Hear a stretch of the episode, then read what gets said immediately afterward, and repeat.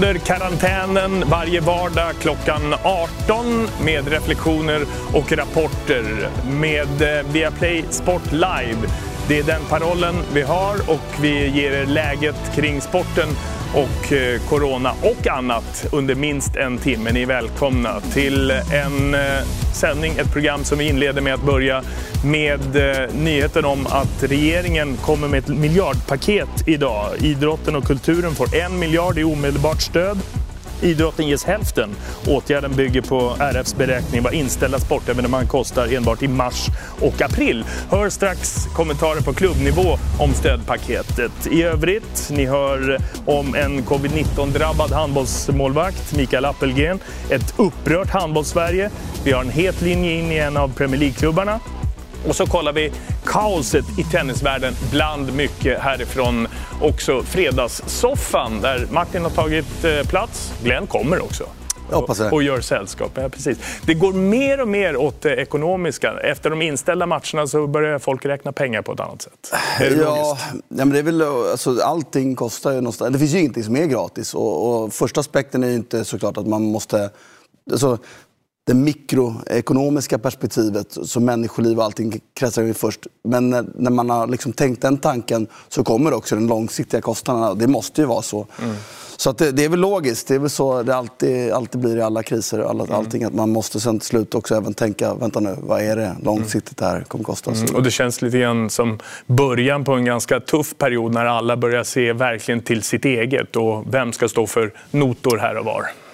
Ja, det är, nu man får se också. Det, så är det ju verkligen. I början är, så är man så upptagen med, med situationen som den är. Och sen mm. är det som du säger att det blir, det blir ju räkna fram och tillbaka. Någon ska betala för någon annans risk och så vidare. Eller någon, jag, vet inte, jag vill nämna liv, men liv är det också det handlar om. Så det, det, det, mm. Det blir eh, jobbiga tider, så är det helt klart. Mm, och fler tankar samtidigt är nog viktigt, viktigt eh, i det här läget också. Eh, det blir mer och mer ekonomi under den här coronaperioden. Det accentuerades idag efter regeringens miljardpaket. Det nya coronavirusets spridning är en global kris. Först och främst handlar det om människors hälsa. Men det får också stora konsekvenser. För människors, för företags och för samhällens vardag och ekonomi. Vi alla påverkas av det nya läget. Det här är inte minst tydligt för kulturen och idrotten. I alla de samtal jag har haft den senaste veckan med kultur och idrottsaktörer har jag mötts av en hundraprocentig förståelse för att vi nu måste göra allt vi kan för att minska smittspridningen. Idag presenterar vi därför ett akut stöd om en miljard kronor till kulturen och idrotten för att lindra effekterna av det nya coronavirusets spridning. Den senaste tiden har vi alla nåtts av rapporter om hur kultur och idrottsevenemang ställs in, hur konserter och föreställningar skjuts på framtiden, frilansare bokats av uppdrag och matcher spelats inför tomma läktare.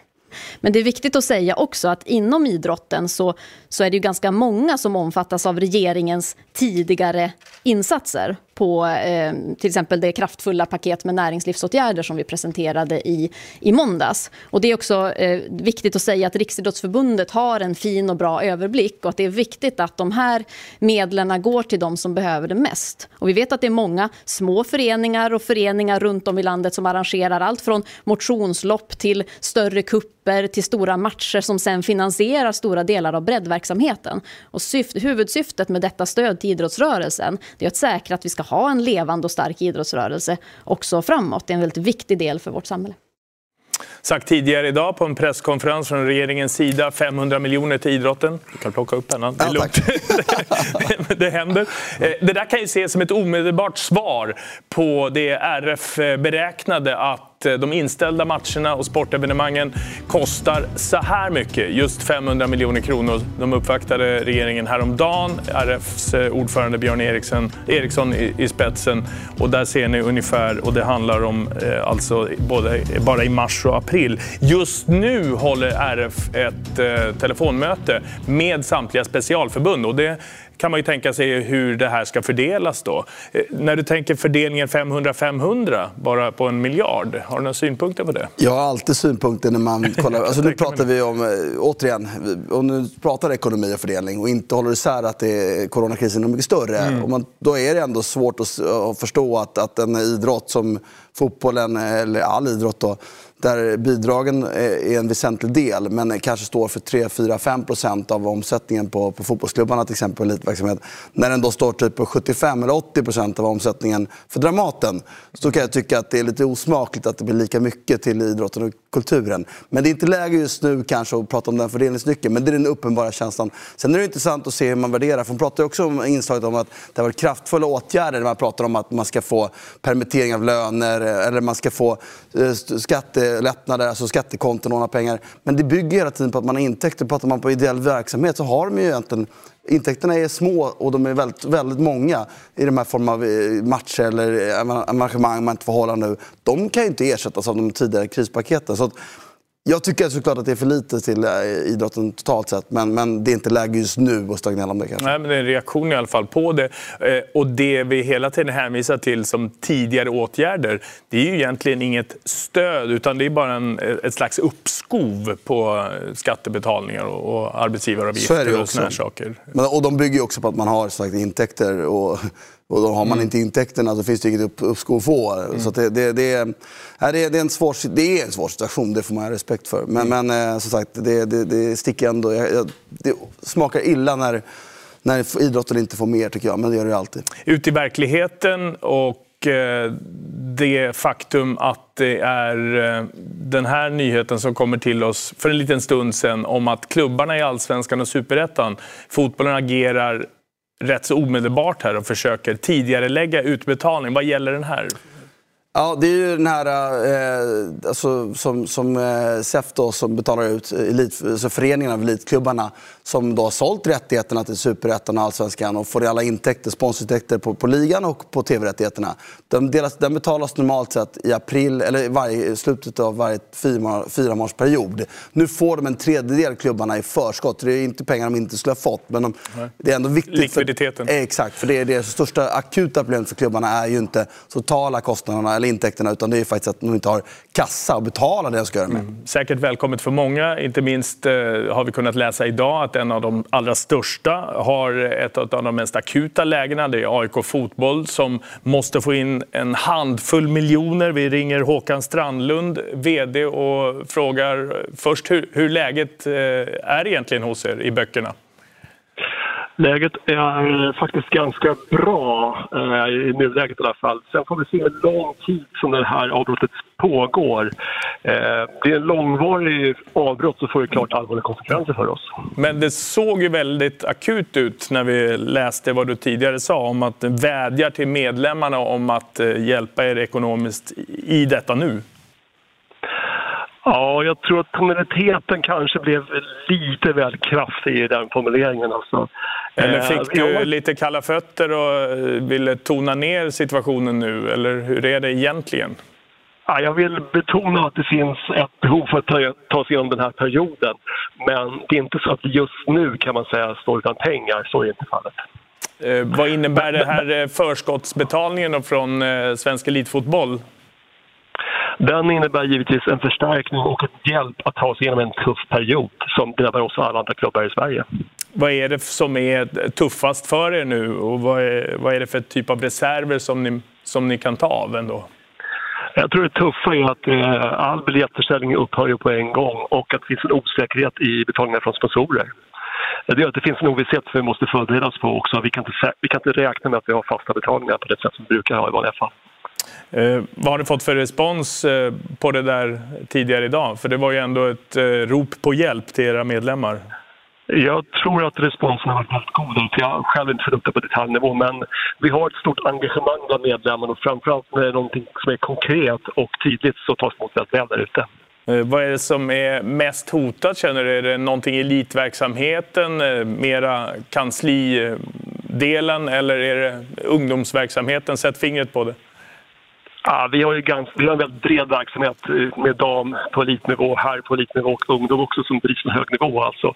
Och det är klart, när man bedriver sån här hög verksamhet på alla nivåer så är det också väldigt kostsamt och beroende av att man har jämna och intäktsströmmar. Så att det är, ja, jag vill inte peka på någon speciell punkt, men det är liksom överlag att man har en ganska kostnadsmassa i en idrottsgrupp på den här nivån. Det har kommit nyheter idag också om att eh, mellan eh, fackförbundet Unionen och eh, er som arbetsgivare kunnat eh, bli möjligt med korttidspermitteringar. Är det någonting som är aktuellt hos er på något sätt? Det är någonting som vi bör sätta oss in i i alla fall och jag tror att det är en möjlighet för klubbarna att övervintra på ett bra sätt. Måste ni börja eh, varsla och sparka och skära? Eh, vi har ingen akut situation idag, men vi måste titta på åtgärder för att hålla ned kostnaderna under den här perioden som nu kommer. Eh, när man har följt eh, AIK de senaste åren så kan man bara undra, eh, när jag säljer Kristoffer Olsson till ryska ligan för någonstans 40 miljoner, Alexander Isak det dubbla eller någonting sånt för inte så länge sedan. Varför finns det inga pengar och större reserver kan man då undra? Jag tror vi investerar mycket i spelare och också spelarförvärv och investerar mycket pengar i vår verksamhet för att hålla en hög kvalitet. Det gör att det förbränns en del pengar från de här försäljningarna som då sker. Måste ni sälja i den omfattningen också det här året för att kunna gå runt ordentligt? Vi behöver inte sälja liksom Isak eller en sån spelare på den nivån. Men fotbollsekonomin bygger mer och mer på spelartransfers då, både hos oss och andra klubbar, så blir det en intäktsmassan. Mm. Och driften är negativ överlag. Det gör att det blir en liten ökad riskbild i våra klubbar och att transfers blir en allt, allt viktigare faktor också för ekonomin att få den att gå runt. Okej, vad gäller nu då? Är det ett rop på hjälp eh, till supportrarna eller inte? Man ska se det som en uppmaning till supporterna att vi gör det här här och nu tillsammans. Eh, då undviker vi en jobbig situation för vår fotboll. Okej, tack Håkan för att du var med oss via Play Sport Live den här fredagskvällen där vi kan eh, hänga kvar i eh, lite fler AIK-siffror. Du är intresserad av ekonomi och synat deras resultat också. Ja, alltså det, det som är, du styr fingret på något som är intressant. Att de har haft, AIK har haft väldigt stora intäkter de senaste åren de har ju tagit väldigt stora risker. Både 2018 och 2019 har ju kostat mycket pengar. Och 2018 så ledde det till ett guld och då är ju alla nöjda. 2019 var egentligen ett stort fiasko. Varken Europa League eller Europaspel. Mm. Och inga, eh, liksom, ledde inte de stora spelarförsäljningarna heller på samma sätt som det hade gjort eh, tidigare år. Så AIK sitter i en prekär situation men har ändå de här kassorna att falla tillbaka på. Så att AIK i den aspekten, men de har misslyckats sportsligt på sportsliga ledningen att återinvestera på ett bra sätt. Det gör att de är sårbara än vad de borde vara. Det har du rätt i. Mm. Sen så, jag har också lite frågan att de vädrar som de gör nu. För det finns fortfarande många klubbar i Sverige som sitter mycket sämre till. Djurgården som är idag sitter bättre till däremot. Ja, Djurgården, du pekade ja. på den platsen Bosse Andersson satt igår och kluckade eh, eh, åt att de lyckades sälja Marcus Danielsson för 50 miljoner. Och det var i, i euro så det stiger också i värde. Så de känner sig trygga. Annars så kan vi konstatera att det är en allsvenska där klubbarna generellt sett är väldigt beroende av biljettförsäljningen som skulle äga rum just nu. Och en stor del av intäkterna under säsongen eh, är ju just publik. Eh, kontraster, man kan väl ta Hammarby å ena sidan och Malmö FF å den andra. Eh, så finns det ju de som sitter mycket värre till kanske och på mycket lägre nivåer. Men utav de stora där uppe så är det väldigt olika verklighet som de sitter i. Ja, verkligen. Man skulle kunna säga att, att de sitter nästan varsin ände ändå. Östersund är väl ett specialfall mm. som ligger utanför allt det här. Men Malmö är ju, som vi alla vet, har ju, har ju efter otroliga framgångar eh, utan att ha vunnit SM-guld så har de ändå tagit sig in i Europaspel hela tiden. De har en kassa som de andra klubbarna inte är i närheten av. Jag, jag är ju inte sån expert på ekonomi så jag kan säga det, men de ska klara sig två år utan publikintäkter, mm. i min här, spontana gissning. Hammarby har gjort eh, en väldigt intressant satsning, men de har tagit otroligt mycket risk. Det är alltså en, en klubb, om jag förstod det rätt, som behövde sälja spelare för 30 miljoner i år eller nå Europa League-slutspel, eller gruppspel, för att eh, gå, få drift, driften plus minus noll. Mm, innan det här Innan uppstod. det här. Och så säger man då, men publikintäkterna, de får ju mycket säsongskort sålda, mm. men de pengarna kommer in i förväg och de används ju i löpande kassaflöde. Hammarby har inte i sin balansräkning speciellt mycket pengar heller, så det är en klubb som nog sitter akut till. Och det här, en av de klubbarna som jag tror och vad jag hör har drivit hårdast att få den här förskottsbetalningen, det är just Hammarby. Mm, mm. Så de sitter lite risigt till. De tar en otrolig risk egentligen och har ju haft otur att det här kom, eh, corona kom nu. Mm. Men de sitter nog dumt till, det tror jag. Det är säkert ämnen som vi får återkomma till. Där kan man köpa stödplåtar eh, i Bajen. Ja. Eh, men det kan de har ju trogen publik. Så det... ja, ja, de har ju det. Mm. Tack så länge Martin. Det blir mycket mer fotboll om en liten stund. Vi får in eh, Glenn Strömberg senare också. Men vi har en som verkligen personligen är drabbad av just sjukdomen och inte bara effekterna av viruset utan covid-19. Vi tar oss till Tyskland, hemadress Heidelberg, just intill Mannheim där eh, spelorten finns för eh, vår handbollsmålvakt i landslaget. Normalt så pigg och vig och rapp och alert Mikael Appelgren. Nu sjuk sedan en tid tillbaka. Hur mår du till att börja med? Jo, men eh, nu mår jag ändå rätt så bra. I sluttampen av det här coronaviruset, den här lilla fighten man haft. Så bättre än var tidigare idag. Eh, berätta, när insjuknade du och hur, hur, tog du reda på det? Hur gick det i, i själva testögonblicket?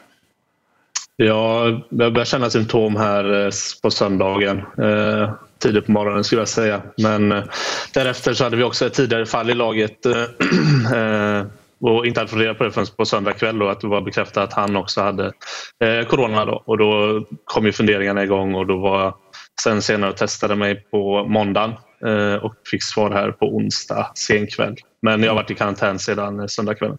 Mm. Och hur pass illa är det då? Det är ju ett virus som världen försöker brotta ner och fly och stänger inför. Men, men hur, hur mår man om man drabbas? Hur mår du?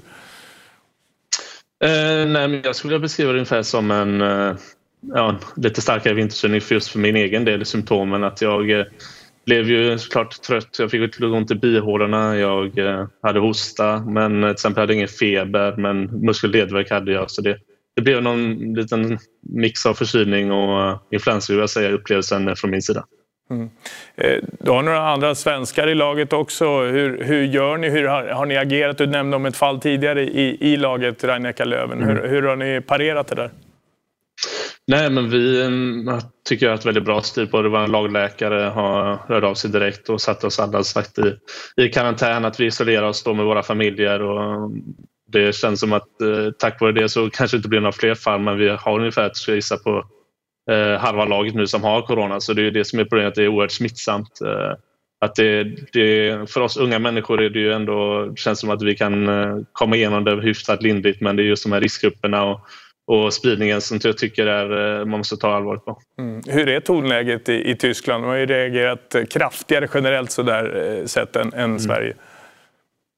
Ja, alltså här var det i tisdags så mm, stängde de alla skolor just här i Heidelberg där jag bor och gjorde det ännu tidigare förra veckan på vissa ställen. Men även tisdagen stängde även alla restauranger, alla butiker. Det enda som är öppet är matvarubutiker och eh, då kan man beställa takeaway eller hemkörning från restauranger och sådär. Så det, så det är lite så dödläge. Sen har jag inte varit ute på gatorna sedan i söndags så jag vet inte riktigt hur det är men eh, vad man hör från andra så är det väldigt eh, stilla utifrån det du upplever och tonläget runt omkring då, känns det som rimliga åtgärder? Nu, nu är ju du inte så eh, illa drabbad som de eh, i riskgrupperna naturligtvis, men hur, hur känner du inför det?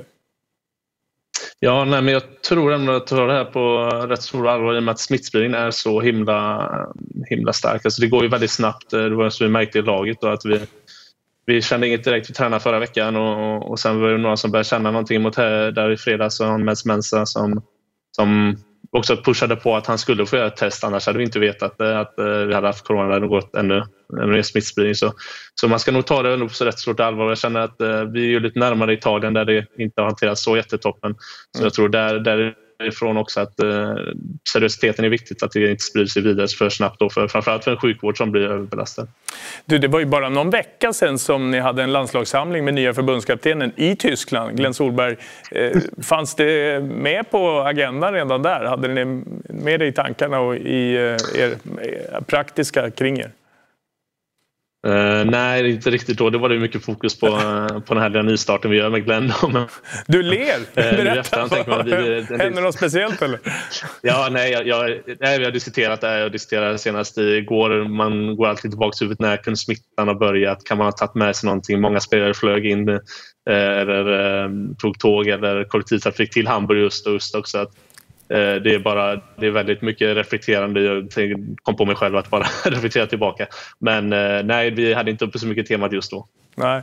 Eh, du har ju kunnat vara lite skämtsam så du har väl inte mått jätteilla på, på egen hand. Vi har ju kollat Instagram och sett dig i någon slags egen utformad skyddsdräkt. Eller? Ja, precis. Det gick på balkongen skydda grannarna där. Så jag, såg någon, jag såg faktiskt något viralt klipp där från Spanien eller Italien och fick inspirationen att eh, jag har ju också en T-rex-dräkt hemma så dra på den. Och, och, eh, det var den här isoleringen har gjort mig också nu. Jag har inte fått eh, bekräftelse och uppmärksamhet på ett tag så det var dags. ja, just det, man får ta alla chanser. Du, eh, när det gäller handbollen och så, så har ju du varit en ganska drivande och rätt stark röst i att det redan som det har varit, varit ett tätt spelschema för många matcher. Det är ju inte otänkbart att det blir ännu tätare nu om det ska spelas i kapp. Vad tänker du kring det? Nej. Nej, precis som du säger, att det, det på något sätt ska spelas i kapp här och det är en, det är en uh, fråga som eh, vi alla spelare och tror alla aktörer på, i handbollen undrar hur vi ska få till det. Men i och med att det är så mycket oklarhet när det skulle vara möjligt, framförallt då när, det, när vi får spela handboll igen av uh, säkerhet och hälsoskäl så att säga. Så det, det, är mycket diskussioner. Vi har ju egentligen två kval nu som ligger i juni och nu vill man egentligen spela klart ligorna i juni. Så, så det, det, det, det kommer bli svårt att få in alla turneringar. Jag tror man får någonstans eh, göra ett val av att ja, ska vi antingen ha landslagssamlingar och kvalen eller ska vi spela klart de inhemska ligorna. Mm. Och eh, just nu idag så bestämdes ju i Sverige att det inte kommer spelas vidare och att redan eh, har korats etc. Så det, mm. det är lite på olika, på olika håll. Mm. Du kanske är i ett sånt läge att du, du liksom ångrar att du gnällde på att du fick spela handboll, eller hur? Ja, ja, ja man har faktiskt abstinens nu, abstinens nu lite snabbare än jag trodde. Får lite bollar kastade på sig. Ett av de kvalen du nämnde, det är ju OS-kvalet och, och, Rio, eller rättare sagt Tokyo. Jag var kvar i Rio för fyra, fyra år sedan. Eh, Tokyo meddelar ju att de fortsätter att hoppas. Vad tror du i det här läget? Kvalspel i juni och sen eh, ett olympiskt spel i slutet på juli. Är det rimligt att ens eh, hoppas? Jag hoppas går ju framförallt då också att vi kvalificerar oss eh, så att vi är med men eh, jag tror väl också att man har lite delade meningar där. Jag tror det ska vara beslutat här Eh, återigen den första april om inte jag har eh, läst helt fel. Så jag tror väl att eh, en, en tanke är väl framförallt då att man verkligen ska få till det men samtidigt tycker jag också det tråkiga vore om det skulle vara utan åskådare då eller hur man nu skulle reglera det så att säga. För det kommer ju mm. människor från hela världen som reser och vill se ett OS. Så jag, då blir så här, ska man ha selektiv eh, åskådargrupp då, att det bara vissa från vissa länder, vissa kontinenter. Eller, tror bara att det, det kan bli många frågetecken. Mm. Eh, tack så länge Mikael Appelgren. Eh, krya på dig till att börja med så får vi ta resten sen. Ja, tack så mycket. Mm. Just eh, handbollslandslagen, både herrarna och damerna och eh, idrottare i övrigt, eh, så är det ju egentligen bara OS-eldens väg som de och vi har att följa. Den har nu nått Japan. I en betydligt mer nedtonad ceremoni än ursprungsplanen så anländer den olympiska elden till Japan i morse. För trots den dramatiska spridningen av coronaviruset fortsätter förberedelserna inför OS som än så länge planeras att genomföras i sommar.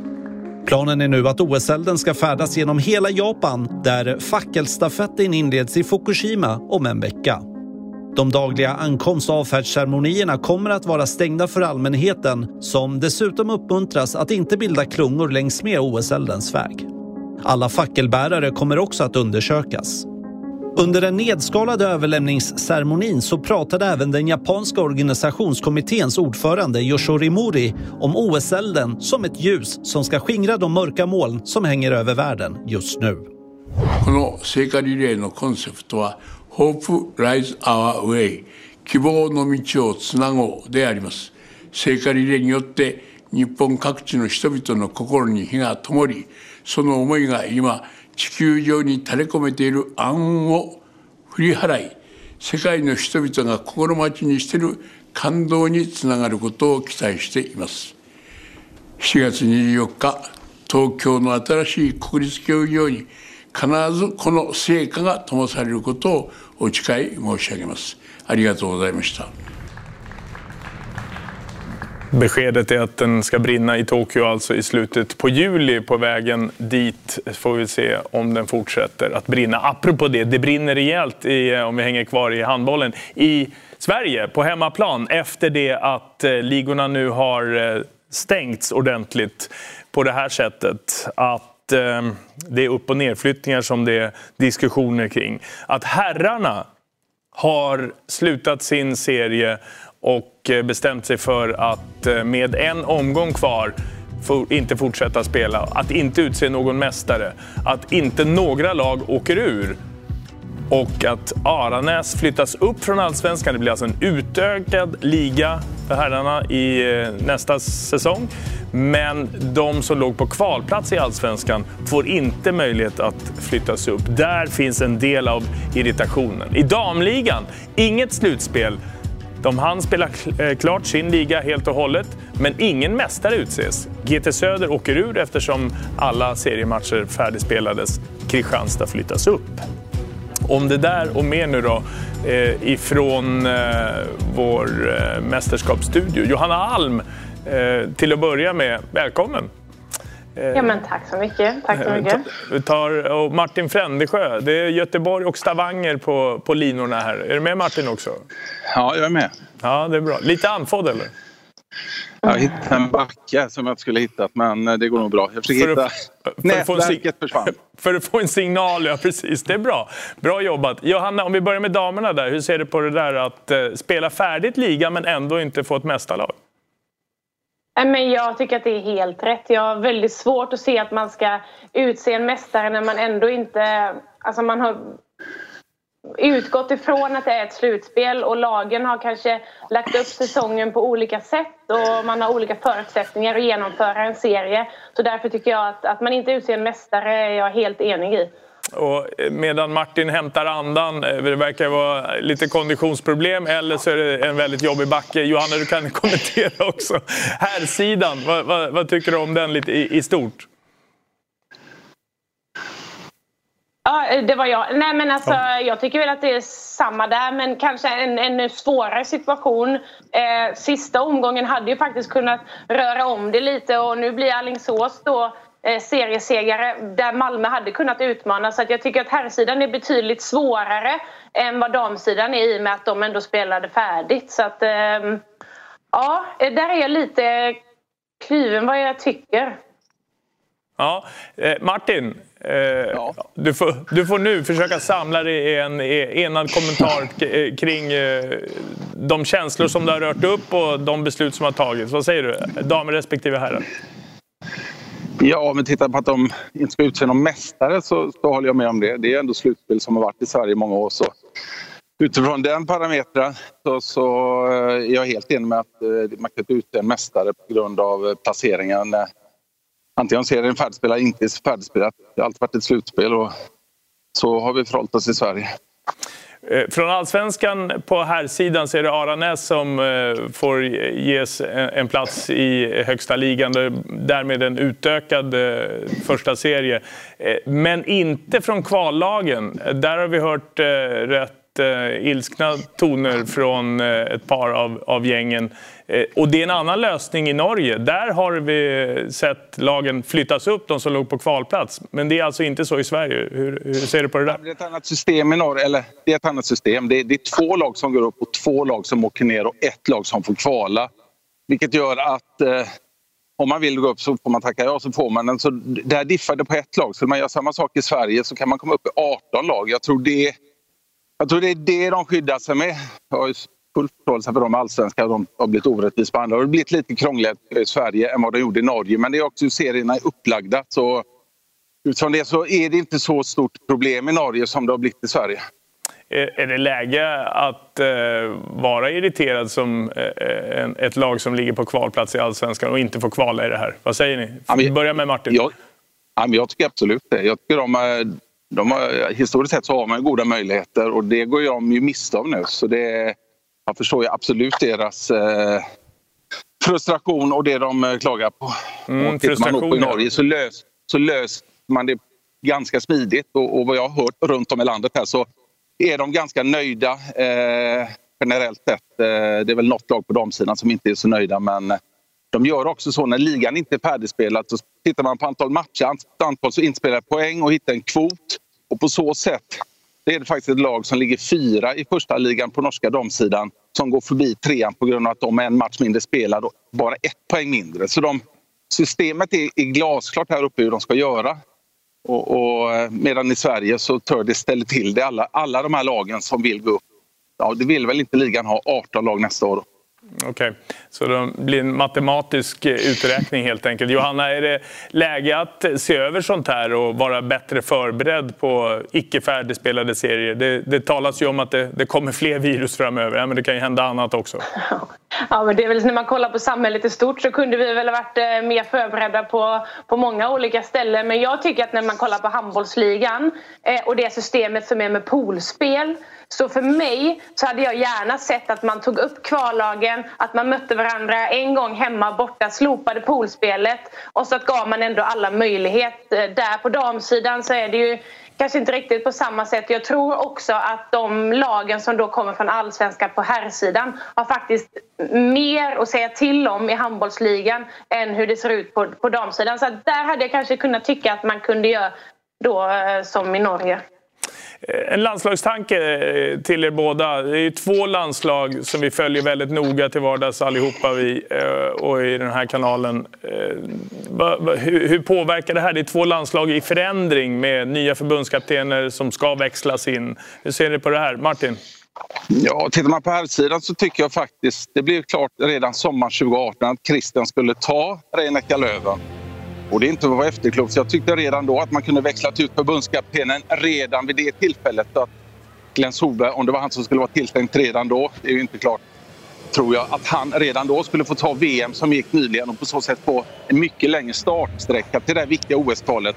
Som nu i och för sig, ja, vi vet inte när det kommer spelat. Så där någonstans så kunde man gett en, en, en, större möjlighet till att få upp laget med den nya kaptenen. Eh, mm. Det, det är ju väldigt lite tid för nu. Eh, och Johanna, avslutningsvis eh, när det gäller damerna. Eh, Signell är kvar ett tag till. Hur tänker du kring det där? Men allt blir så konstigt. Självklart tycker jag att Signell ska genomföra något kval om det är så att det kommer att fortsätta sitt kontrakt ut. Men sen har ju han ett, ett Skövde att ta över efter sommaren och, och de sakerna att förhålla sig till. Så att eh, ja, ah, när allt är som det är så får man ju lite avvakta och se och, och ta det steg för steg. Men jag ser Signell eh, verkligen få slutföra det som, eh, som han har börjat och, och haft som också sitt avslut och också jättesvårt att, att sätta in Axnér ner och ta över nu. Utan jag tycker man får följa planen som den ser ut eh, i dagsläget. Mm. Mm. Eh, det är stort och smått om vartannat, flera tankar samtidigt. Tack ska ni ha för att eh, ni var med. Och då får du gå ner lugnt och försiktigt där Martin. Det är lättare ja, nerför alltid så. Ja, absolut. håll, håll er krya, båda två. Tack så mycket. Eh, via Play Sport Live eh, går vidare med mer fotboll nu och eh, utmaningen om att hålla formen, inte minst för de eh, allra värst och drabbade i eh, norra Italien. Ett exempel. I just knew it would be just a matter of time before soccer players would get like caught with the virus and it happened unfortunately it happened and now you just, you know you just see the list going on and on and on and it's just it makes it difficult because you know you you miss the game that you love but at the same time i think the the the general health of the human being is much more important than the game that we play right now walk mm-hmm. me through your daily routine i mean if there's there's no soccer that you're playing so what are you doing every day so I wake up in the morning. Um, I do a bike session. So they gave me like a program for the bike. So you have your own setup. Yeah, yeah, yeah, I got my setup. So and because you know soccer is a lot of um, uh, conditioning, especially the way how we play because we play at a high tempo, we press a lot. So that's going to be the main thing. Like how quick can we be back into the groove? Because I don't think that the the association will like give us like three weeks to be like in top shape.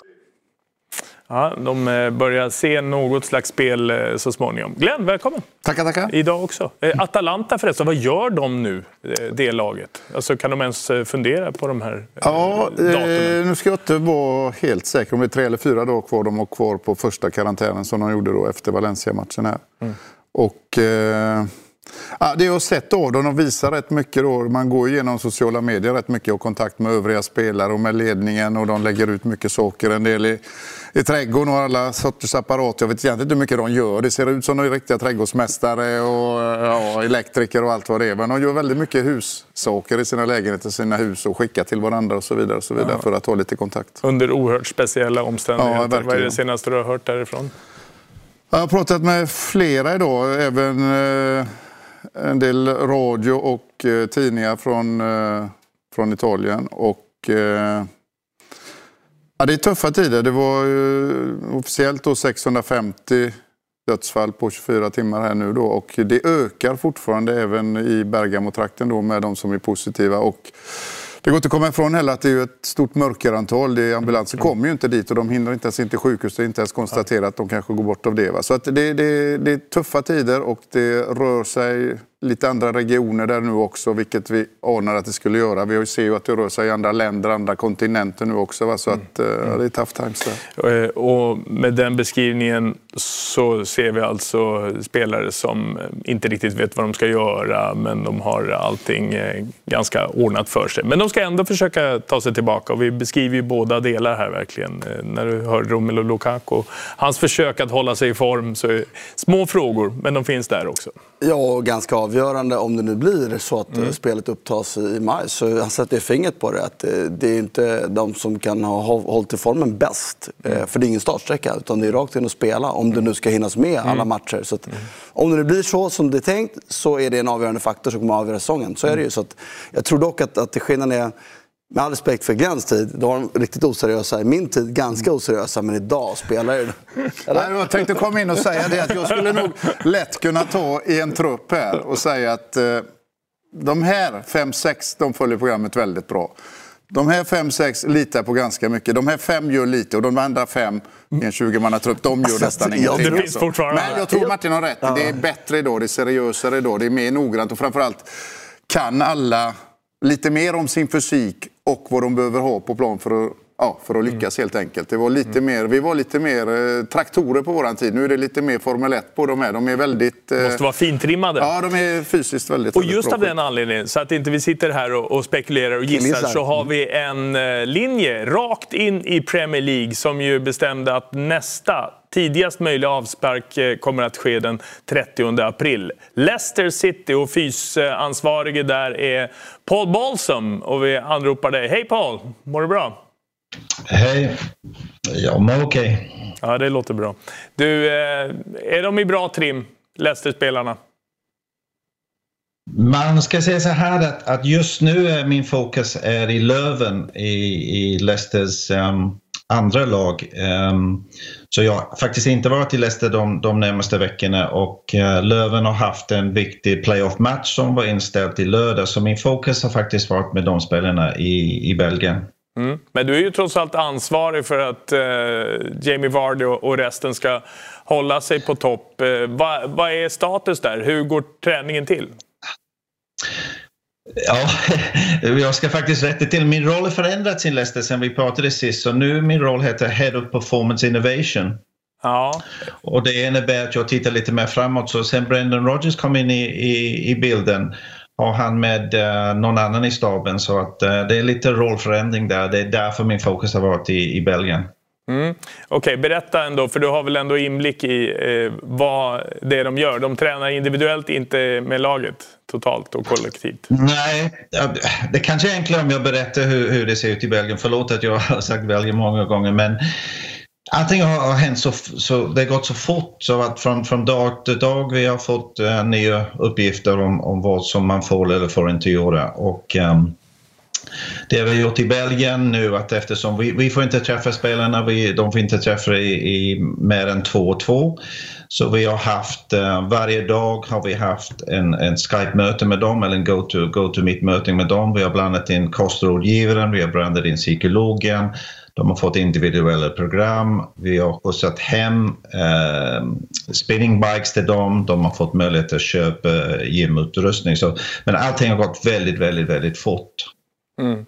Eh, det här är väl ett eh, scenario som gäller för i stort sett alla klubbar. Hur, är, hur kan du bedöma miljön i vanliga fall? Alltså är det en eh, miljö där man lätt smittas? För man hör ju här nu hur lag går in i karantän så fort ett enda fall upptäcks i, i laget. Det är ju inte så att alla är sjuka.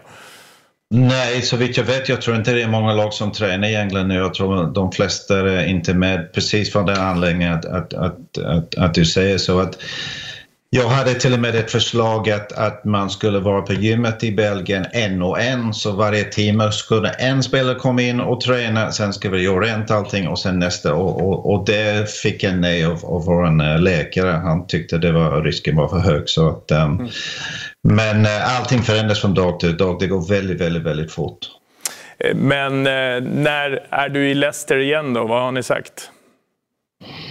Eh, men det senaste vi har hört nu är att, att eh, ligan ska komma igång den 30 april men, men jag, jag lyssnade på vad ni sa i studien, att vi måste ha någon typ av startsträcka som vi kan Um, klart när, när vi tränar en och en individuellt hemma kan vi hålla igång någon typ av fitness men det är väldigt svårt med så kallad football fitness så vi kommer behöva ett par veckors startsträck innan vi, vi är fit for fight igen. Så att, um, det, det, är en jätteutmaning men jag tror vi har också sagt att vi, vi, vi ska inte spekulera alldeles för mycket för att det är fortfarande, vi, vi vet inte vad, vad, hur det kommer att se ut nästa vecka eller, eller till och med om fyra veckor. Så det är det största utmaningen idag, att vi vet inte hur framtiden kommer att se ut. Tack Paul. Eh, tidigast 30 april i alla fall, så då vet du någonting i alla fall i kalendern. Och vi andra också. Och när vi pratar om football fitness, försök förklara. Traktorn eller eh, Formel 1? ja, jo, Båda behövs. Jag, jag har ganska bra inblick i det där faktiskt, mm. konstigt nog. Eh, i alla fall har jag sett eh, exakt hur vägen har varit och jag har känt alla fystränare på vägen eh, i Atalanta så att säga, hela vägen under de här då sista, vad är det, jag kom dit eh, 84. Eh, och vi, det var alltså lite grann på den tiden också att du hade en spelartrupp, framförallt vi då som var kanske lite mittenlag eller lite bottenlag. Vi hade kanske en trupp som var konkurrenskraftig med en eh, 14-15 spelare, 13, 14, 15 kanske. Mm. Sen var det juniorer som fick hoppa in och vi var tvungna att spela nästan alla matcher. Så träningen låg lite mer på den tiden på att du kom upp kanske till 80 procent av din maxkapacitet när det gällde sprinta, när det gäller snabbheten och så vidare. Men du hade inte de där extrema musklerna som kanske en 100-meterslöpare har, som går sönder mycket lättare. För vi kunde inte gå sönder speciellt mycket, för då funkade det inte för laget. Vi kunde inte uppe för... på den nivån? Nej, liksom. vi kunde inte ta oss upp dit ja. riktigt. Och det var då de fystränarna som varit de nyare nu, de mer moderna. Så säga, den största skillnaden då på min tid och den som är nu, det är att de tränar väldigt mycket specifikt. För att det jag var inne på lite igår, att den som är väldigt, väldigt snabb, det är viktigt att han fortsätter vara så riktigt, riktigt snabb. För de där extrema mm. sakerna som en spelare har, det är det som gör att han är så bra. Det är det som gör att laget vinner. Så nu tränar de spelarna lite mer intill sin smärtgräns så att säga. Så att musklerna lite lättare går sönder, skadade lite, lite mer. Men är lite mer en Formel 1-bil och vi var lite mer traktorer då så att säga. Mm. Det, det, är liksom en rejäl skillnad förklarat enkelt då, mot tiden för 30 eh, år sedan och nu. Men det är ju generellt så att det går inte att vara en tiokampare, det vill säga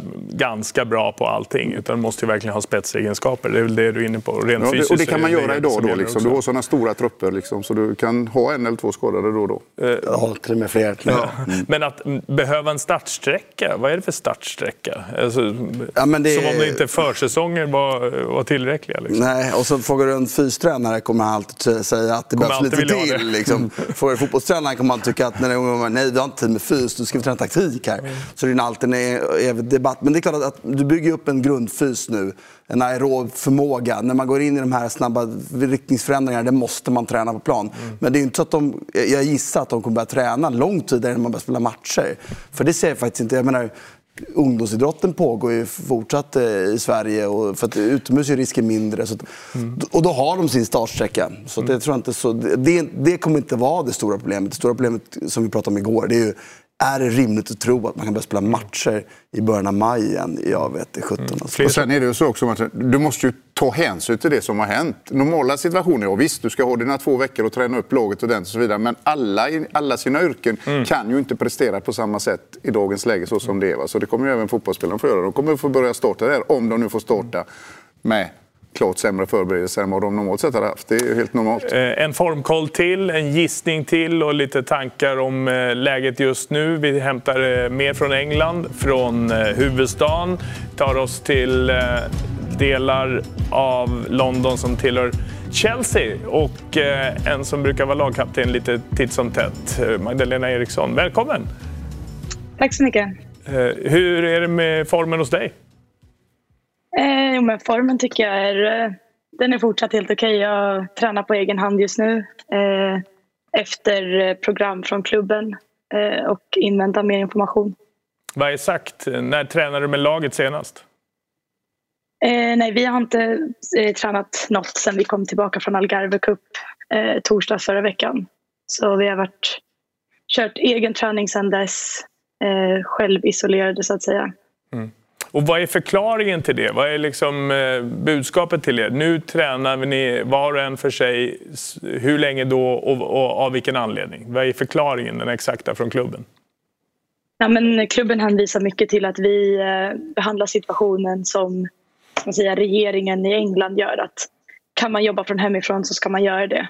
Eh, och vi har ju möjligheter. Vi, har, vi vet att vi kommer inte spela match förrän 13, 30 april tidigast. Eh, så vi har möjlighet att träna, träna hemifrån, eh, hålla oss isolerade så gott vi kan. Eh, och, det är det vi går ut efter nu. Är du frisk? Är dina kompisar friska? Ja, vi är alla friska. Mm. Vad är det för typ av träning du kör? Vi kör mycket, mycket löpträning har det blivit. Men också vi fick åka förbi vårt gym på anläggningen och hämta med oss lite eh, styrkeredskap. Så jag har kört lite gym i min trädgård också. Mm -hmm. Det är vårväder? Eh, nej, men det, man får stå ute om det regnar så man göra det. Jag har inte riktigt plats i lägenheten så att eh, det får bli trädgården. Eh, än så länge har det varit ganska bra väder faktiskt. Ja, vad har du för pannben? Är, är det läge att komma in med massa löppass eh, så här på våren under säsongen? Hur känner du inför det?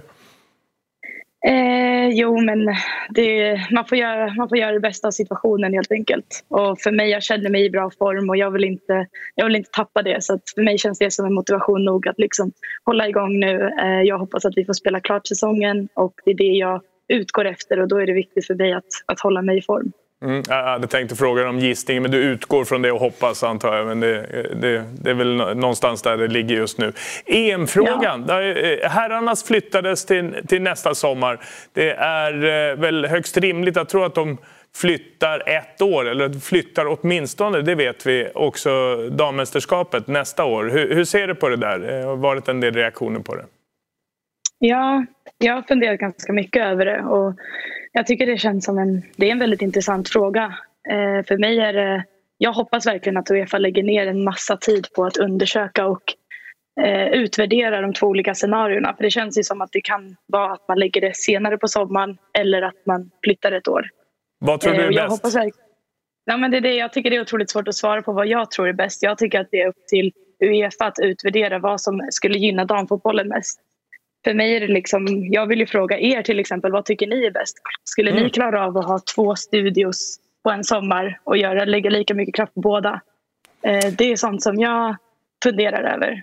Ja, det är en, eh, absolut en, en, relevant fråga och jag, jag tror att eh, vi rent tekniskt, bara för att ta det på uppstuds, så skulle vi säkert kunna hitta på eh, lösningar. Men frågan är om, om tittarna som ju ändå ska finnas där, om de mäktar med så många matcher som man skulle vilja att de tog del av. Vad tror du där? Ja men precis, det är ju de, det är de avvägningarna man får göra. Eh, det är där som, som frågan ligger också. Eh, resan, tillresande supportrar klarar man av ekonomiskt eller har man en så pass mycket semester att man kan åka på två mästerskap på en sommar? Ehm, det är ju sådana frågor jag tänker som talar emot eh, vad jag tycker att man kanske ska lägga den till nästa sommar. Mm. Men sen finns det andra faktorer som talar för att spela samma sommar. Att liksom satsa på en fotbollssommar och ja, det skulle kunna vara positivt men det skulle mm. också kunna bli negativt. Mm. Men, men, det är väl en ganska bra ut, utgångspunkt att, att uh, utreda verkligen och sen ta ställning och inte svara reptilmässigt direkt då, eller? Ja, Vad säger du? Nej, men, ja, men det, ja, absolut. Det är så jag känner eh, rent spontant. Så varför inte utreda det? Det kan vara någonting. Säg att man, man hittar en jättebra lösning och gör det samma sommar. Då är det kanske något, en ny praxis eh, som man skulle kunna utföra i framtiden om det skulle bli jättelyckat. Mm. Eh, men för mig, ja, det gäller att inte ta ett förhastat beslut, att inte ta ett simpelt beslut. Jag hoppas att Uefa utreder och tänker på damfotbollens bästa. Eh, det är det absolut viktigaste för mig. Låter rimligt. Eh, tack för eh, inlägget. Eh, när är nästa löppass? Det blir nog imorgon. Ja, imorgon ja. Har du redan kört idag då? Ja, idag är jag redan Ja, det är det. ja, det är bra. Tack snälla Magdalena för att vi fick prata med dig. Eh, kör hårt. Hoppas att ni får eh, komma till spel i slutet på april. Tack, tack. Eh, just det, det är ju en fråga verkligen det där hur mästerskapen ska fördelas. Det lät Ja, väl det rätt är bra rimligt och det fyndiga där. idéer där och tankar som man måste ta hänsyn till såklart. Alltså, det är mycket, mycket vettigt att reda ut det där. Jag tror lite som du var inne på att det kan säkert gå att lösa så visas allt på ett bra sätt. Men jag tror det kan bli väldigt, väldigt jobbigt kanske för eh, publik, tittare och så vidare att ta två så mästerskap Det är under ju samma redan säsong. så många matcher i ett Ja. mästerskap. Och man, man vill ju se som, som tittare, Mm. ha liksom kraften och tiden att, att se så mycket som möjligt av Ja, och har man tid, man, man kanske måste arbeta liksom på de tiderna måste. också. Kan man resa i sådana fall? Måste man välja det ena eller det andra? Och det är ju synd då i sådana fall. Liksom, Mm. Så att eh, nej, det ska verkligen tänkas till när det gäller att få det bästa möjliga situation. Och istället för den omedelbart eh, polariserade diskussionen kanske utreda innan man tar ställning. Att verkligen eh, klura på den bästa lösningen. Ja, det gäller ju rent generellt. Det Vi kan kan ju vara inte så. utgå från att... Jag, jag hör ju till dem som gärna hade sett det samma sommar. Eftersom, men jag tror att det stora problemet är väl Uefa, att de ska hinna med, Mm. med, med den bemanning de har och, för, och liksom resurser de har. Mm. Ehm, att kunna ha- hantera det. Men jag hade ju gärna sett allt en samma sommar. Men jag åker inte heller till plats. Jag sitter hemma och Men kollar du har tid. Du- Ja, exakt. Jag tar mig Flera tiden. skärmar också. Ja, jag tar mig tiden. 12 000 skärmar vet du. Han kan ju se mästerskapen i andra länder också. Det där får vi ta så småningom eh, utredas. Nu, eh, läge för era eh, frågor till oss här, framförallt Glenn och Martin antar jag att ni är sugna på. Glenn, vad tycker du om Atalantas nya arenabygge? Också lite Salernitana-historier från eh, Martin med eh, din italienska historia. Eh, nytt, ny arena för Atalanta. Ja, jag tycker det är fantastiskt bra. Berätta om den. En jättefin arena, kommer att passa dem perfekt. Den var väldigt, väldigt gammal den här arenan. Den, var, den fick alltså benådning när jag kom dit 84. för den var inte tillräckligt okej alltså. säkerhetsmässigt sett. Och sen fick den benådning varje år och de fortsatte spela hela tiden. Vi kan ju säga så här att den här arenan när jag kom dit i första matchen som vi hade då publikrekord till den här matchen mot Valencia nu då. Nu var den i Milano så jag tycker fortfarande vi har rekordet på vår egna stadion. Men då hade vi 42 500 eller 43 500, 43 000 inne.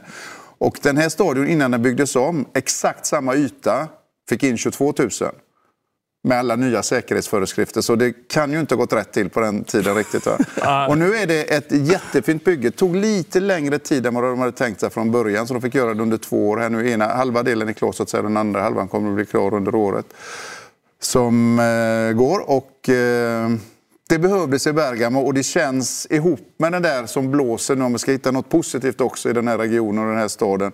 Så eh, Atalanta behövde det, så som det går också i Europa för dem. Att få en modern stadion dit också. Liksom. Det var en av de äldsta. Mm. Det, ja, det är riktigt fint och folket i stan är väldigt nöjda med den. Spelare, ja naturligtvis. Alla, alla är väldigt nöjda med den här situationen. Vem finansierar den? Är det kommunen som äger den nya också? Eller. Ja, presidenten är ju byggare också. Va? Så att eh, han ligger eh, och bygger i det hela så att säga. Men kommunen är med i det. Framförallt var det kommunen med i det för att den ligger ju nästan mitt i stan. Och det vill man ju kanske inte ha arenor längre. Och framförallt då folk som har bott runt omkring har ju tyckt det var ganska stökigt då och då. Vilket det kan bli på italienska fotbollsmatcher, det vet du. Men den ligger alltså kvar på samma ställe. Och, eh, det gillar väl nostalgikerna så att säga. fint. Ja, de gör Ja. det till slut ändå. Och bara den blir modern och fin nu då. Synnerligen lämpligt låter det för presidenten att han är byggare också. Mm. Det är bara en snabb koppling som jag eh, tänker på.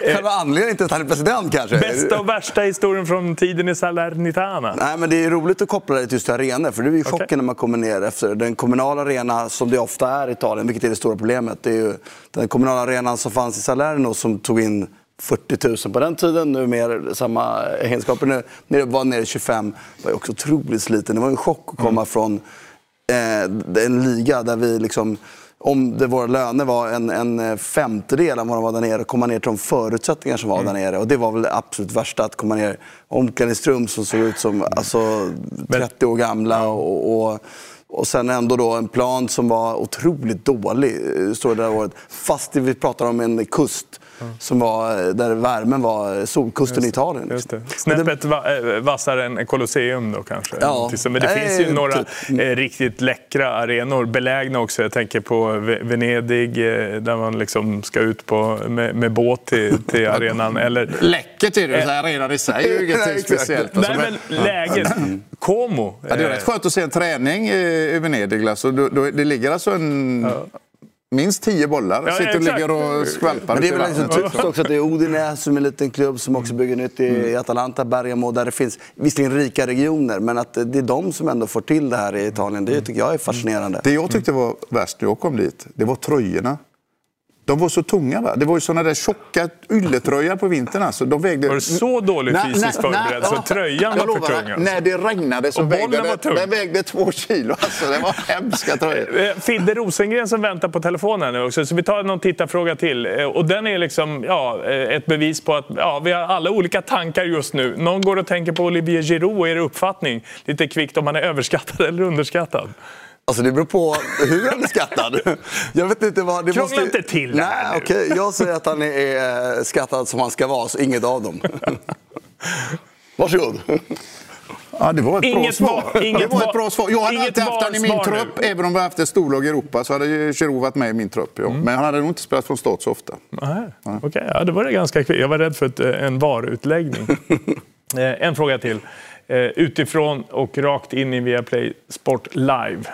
Eh, bästa fotbollsmatchen 2000 till 2021. Det är 20 års tid alltså. Sortera fram den bästa fotbollsmatchen. Ja, det var Här och svårt. nu.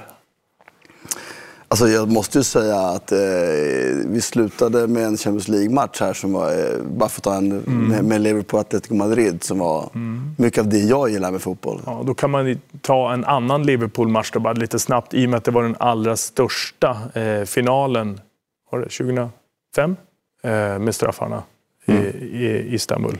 Och vändningen via straffpunkten. Ja, är det inte lite grann så För ändå? det är någonting alldeles extra. När det går hela vägen, det var så stor skillnad och så, så går det till straffar. Man får hela. Jo, men Liksom, det, det, tar är lite det grann så man kommer ihåg, Den bästa matchen kommer man kanske ihåg de där tre, fyra dagarna efter veckan. Åh herregud vad de spelade bra där. Och det. Men det är de där matcherna som hände något speciellt i som man kommer ihåg. I år kommer ju vändningen som eh, Barcelona gjorde mot PSG. Ja. Liksom behöver göra tre mål och det åt 87 minuter. Mm. Och då hade de ändå ett par mål. bortamål där att gå på. Och Liksom. de gör tre mål liksom, på de 87 till 95. Det var också en sån där vändning så att det, hela den där staden skakade. Katalonien skakade i flera dagar. Liksom. Sånt kommer man ihåg nästan mer än bästa matchen. Tyvärr. Ja, just det. Men- Dramatik eh, slår i-. Mm. ibland själva prestationen. Ja, det var några på uppstuds det. Eh, tack så länge. Då. Eh, vi vänder vidare mot eh, övriga eh, idrottsvärlden i det här läget. Det har varit stökigt på flera håll. Till exempel i eh, tennisen där det har varit eh, riktigt rörigt. Fredrik Fidde Rosengren, vår eh, expertkompis sen förut, numera tränare till en av de ryska spelarna. Var sitter du någonstans Ja, men- i mörkret? Ja, det undrar man. Jag sitter mitt ute i de småländska skogarna. Ja, det är där du ska Ja, vara. I, I en bil, det är där man ska vara just nu. Det är bästa platsen. Visste Ja. ni inte det? Ja, eh, men du står stilla i alla fall och på väg någonstans. Men eh, tack för att du stannar och ger oss bilden, eh, även om din är lite mörk och suddig. Men vi, vi tar den. Vi, vi tar den. Bilden Okej, av tennisen. Eh, för en vecka sedan var det Indian Wells. Och vad hände Yes. sen? Det blev inget. Eh, det blev inget. Eh, de upptäckte ett coronafall eh, någonstans i dalen där i Palm Springs, Indian Wells. Alltså inte tennisen utan, utan i dalen. Och då tog den lokala government tog ett beslut att stänga ner tävlingen. Och det skedde på söndagen. Tävlingen skulle börja på torsdagen så alla spelarna var där och förberedde sig inför det här och sen så, så stängde de ner den först då. Så det blev ju väldigt eh, osäkert och luften gick ur. Eh, Eh, och sen så tog det två dagar till innan det första beskedet kom att touren var suspenderad fram till eh, 27 april. Och sen i veckan kom det då till den 7 juni är nästa, är det vi har fått reda på. Mm. Eh, du och Karen Khachanov, 15 rankad nu va? Eh, ja, det är han. Ja, eh, kan bli bättre? Stämmer. Eh, måste bli bättre. Ja, ja, okej. Okay. Ja, höga krav. Hur, hur, hur, reagerade ni på det här och, och vad gjorde ni då omedelbart? Eh, nej, men då samlar man ihop eh, gänget och så sitter man och, och det blir lite krismöte. Vad ska vi göra? Och det var lite olika. Eh, jag tyckte vi skulle åka hem för allting handlar ju om förberedelse till nästa match. Och i, i, just då var ju fortfarande Miami på så att då var det liksom 19 dagar till Karin skulle spela nästa match. Och då tycker jag att då är, då är det bättre att vi, vi drar hem. För, för skräckscenariet var ju att eh, stanna kvar och träna i 14 dagar och sen blev det ändå inget. Och mycket, mycket talade för att även Miami skulle stängas, eh, stängas ner eh, då. Va? Så att, eh, eh, jag bestämde för att åka hem. Karin ville vara kvar. Jag lovade att komma tillbaka direkt. Men sen så på eh, onsdag förmiddag kom eh, beslutet från, efter att Världshälsoorganisationen hade gått ut då, så kom beslutet att eh, hela touren var nedstängd. Eh, så att, eh, ja, det blev så. Mm. Och det var ju ganska enkla och raka besked att förhålla sig till. Men sen har det stökats till. Eh, var ska vi börja någonstans? Eh, I hur poäng och, och pengar ska fördelas eller om det ska frysas eller inte. Eller om vi ska börja med Paris och deras flytt. Berätta. Ja, vi kan väl börja med Paris eh, som, som kom först eh, av det här och ställde till det häromdagen. Det var det, var det tydligen. Det är så otroligt mycket rumors som, som blir givetvis när, när sånt här händer. Va? Och, eh, eh, men det var den, tydligen den franske tennispresidenten som helt själv gick ut med att flytta tävlingen till efter US Open utan att förankra det här beslutet eh, hos några organisationer eller spelare eller någonting. Eh, så att eh, det blir ett himla liv över det. Eh, så det har det bråkats om ett tag här nu då. Och sen igår fick vi ett mejl, alla spelare och ledare, tränare, att man fryser poängen fram till vi börjar spela igen. pengar, vilken kompensation vad det gäller pengar, det vet ingen i nuläget. Och, och vad det gäller poäng också, jag tror inte sista ordet är sagt här faktiskt. För att alla är ju sig själv närmast och, och, och, det är ju vissa som gynnas av att det fryser poängen och vissa eh, förlorar givetvis. Ja, för det var ju, eh, om vi tar det då, det bygger ju på hur det gick förra året. Och vem gynnas och vem missgynnas? Och hur eh, är reaktionerna så här långt på just det där med frysta poäng eller inte och hur pengarna ska ligga?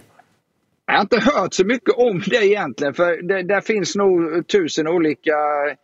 Oj, jag släcktes ner totalt nu. Så. Ja. Eh. Måste ha startkablar nu eller? Ja, måste ha startkablar. Eh, jag ordnar det sen. Eh, nej, men man kan ju se. Det, det sanslösa är ju att en sån som Roger Federer då, som hade 1600 poäng att försvara. Han, eh, han opererade sig för två veckor sedan. Han hade inte ens tänkt att spela där borta. Va? Så han hade ju tappat 1600 poäng. Eh, och nu då så eh, så eh, förlorar han ju inte dem utan han får ju ha kvar dem. Medan en spelare som Djokovic då som, som förlorade två första omgångar förra året, han hade nog gärna spelat om de här poängen. Så att, mm. så att eh, ah, det, det, är svårt att säga vad konsekvenserna blir. Eh, och det här med att Paris gick ut och flyttade till ett datum som är efter US Open, alltså i höst, i september. Det stökar till det och det har fått eh, spelarna att reagera va? Hallå? Ja, jag är kvar. Är du? Det syns i alla fall. Eh, det här med eh, Paris, blir det bojkott nu då, eller? I september? Är du kvar? Eller? Hallå? Ja, ska vi släppa honom eller? Ska det var ju redan rätt mörkt där. jag tänkte lite motorstopp och slut ja, Jag visste ju lite grann svaret på frågan där naturligtvis. Det är alltså så att eh, Paris flyttas då till septemberdatum som naturligtvis hade varit ett bra reservdatum för de nu uppskjutna turneringarna som Miami till exempel. Eh, och det innebär att det finns ett tydligt bojkotthot från flera av de största mot Paris eftersom de bara flyttade utan att förankra med eh, den övriga tennistouren. För det är ju så att eh, internationella tennisförbundet äger de fyra Grand Slam-turneringarna, Fed Cup och Davis Cup dessutom, medan ATP och WTA driver ju de övriga turneringarna. Där fick ni förklaringen i något sånär ljust sammanhang i alla fall. ja, det, är rörigt och stökigt där ute. Det är så otroligt mycket att förhålla sig till.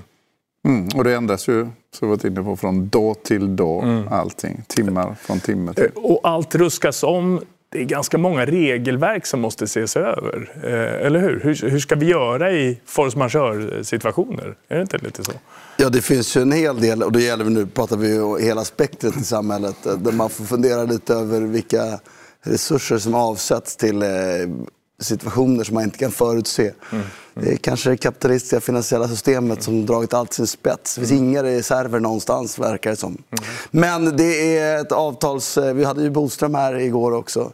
Eh, juristerna kommer ha en hel del att göra här, mm. kan man lugnt säga. Så kan du slå dig in på i nästa. Det hade man önskat. Man hade det sitt fläsket ja, som det kallas. Ja. Eh, men det hinner ni inte till efter det här programmet. Då är det bara att sitta kvar och eh, titta på ännu en klassiker.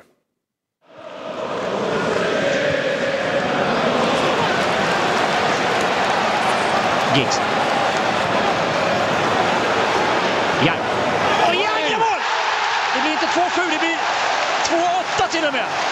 8-2 till Manchester United. Ashley Youngs andra skruvar han in lika fint som han gjorde med sitt första.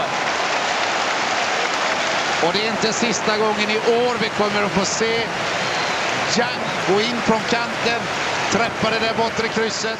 Ah, vad minns du av det där? Nej, jag börjar ändå undra, var inte jag med där? För jag tänker, så spelarna kände jag ju på slutet sen så fattade jag att jag var där. Va? Ja. Nej, det var inte pålagt härifrån nu utan så. Ja, men den kan väl vara värd att titta på. Tydligen, absolut, tydligen absolut. även för nej, dig som var där. Nu kommer jag till och med ihåg matchen lite grann. När jag väl, men eh, jag tyckte jag kände igen den här spelaren. Jag måste ju börja kommentera det tänkte jag. Klart tveksamt där alltså. Men eh, det är kul att du är här och friskar upp minnet i alla fall. Verkar det vara så. Ja, det, varje kväll alltså, efter vi har satt Sport Live, en eh, klassiker att titta tillbaka på. Vi väljer inte några taktiska 0-0 matcher heller. Utan, inte? Nej, ganska sprakande föreställningar. Så det är ingenting för dig. Eh, nej, eh, ingenting för finsmakaren. Jag vill säga att jag gillar alla typer ja, av fotboll. Det, det gör vi verkligen. Mm. Eh, och imorgon så laddar vi för någonting alldeles eh, speciellt, nämligen eh, Viaplay Sport Premier League-studion Retro. Retro? Jo, vi ska återuppleva den här tidens fotboll. 90-talskamper. Vad sägs om det? Så där skulle det kunna se ut. Ja, det kommer ju i alla fall gå hett till, det kan vi ju lova. Mycket bolltapp eh, kan vi också utlova. Ja, och rejäl fotboll skulle man kunna säga. Det här small det. Ja. Eh, det är de här eh, planerna, de där matcherna, den där eh, bildstorleken vi ska återvända till när vi sätter nya ord på gamla matcher. Vi ramar in med Premier League-studion från 15.30. Matchen imorgon, ja, det är Liverpool och Manchester United. Och det är en eh, match som spelades 1994. 26 år senare så tänkte vi sätta ihop en Premier League-studio. Du ska kommentera. Ska kommentera är du förberedd nu då? Ja, lite grann. För jag har gjort en sån match innan. Du kommenterade inte den matchen? Nej, v... nej, det gjorde jag inte. Men jag har gjort om VM-finalen 58 inför ett VM en gång. Kommenterade den där. Pelé ut till Garincha, in med den igen! Baba! Ja, och nu, det, blir det, ja, det, nu blir det rush. Det, det gick lite långsammare i USA. Jag kommer ihåg ja. Lidholms fina 1-0-mål där. Alltså ner med bollen runt med den och så in med den. Det kändes som det gick. Man kunde gå och köpa korv och sedan kom tillbaka. Och det ser ut som att den här 17-årige killen, han, ska kunna, han, han kan bli något. Ja, ja exakt. Det... Och i det här fallet så blir det någonting liknande då med John Barnes eh, och eh, Ian Rush och det är Ryan Giggs är det Cantona.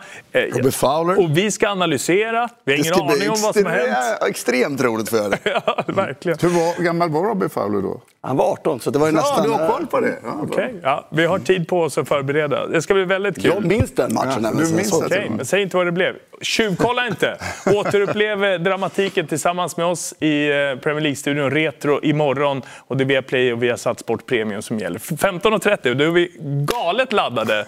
Eh, och vi får se hur stora kostymerna och färgglada Ska vi också och stora, vara retro stora slips. Jag vet inte, vi bestämmer det imorgon. Eh, tack för ikväll Tackar. och tack för att ni har varit med oss. Viaplay Sport Live på vardagar alltså, också i nästa vecka klockan 18 och 22. Eh, streama nu på Viaplay om ni vill. Det finns som podd också. Och vill ni se annat än sport på Viaplay?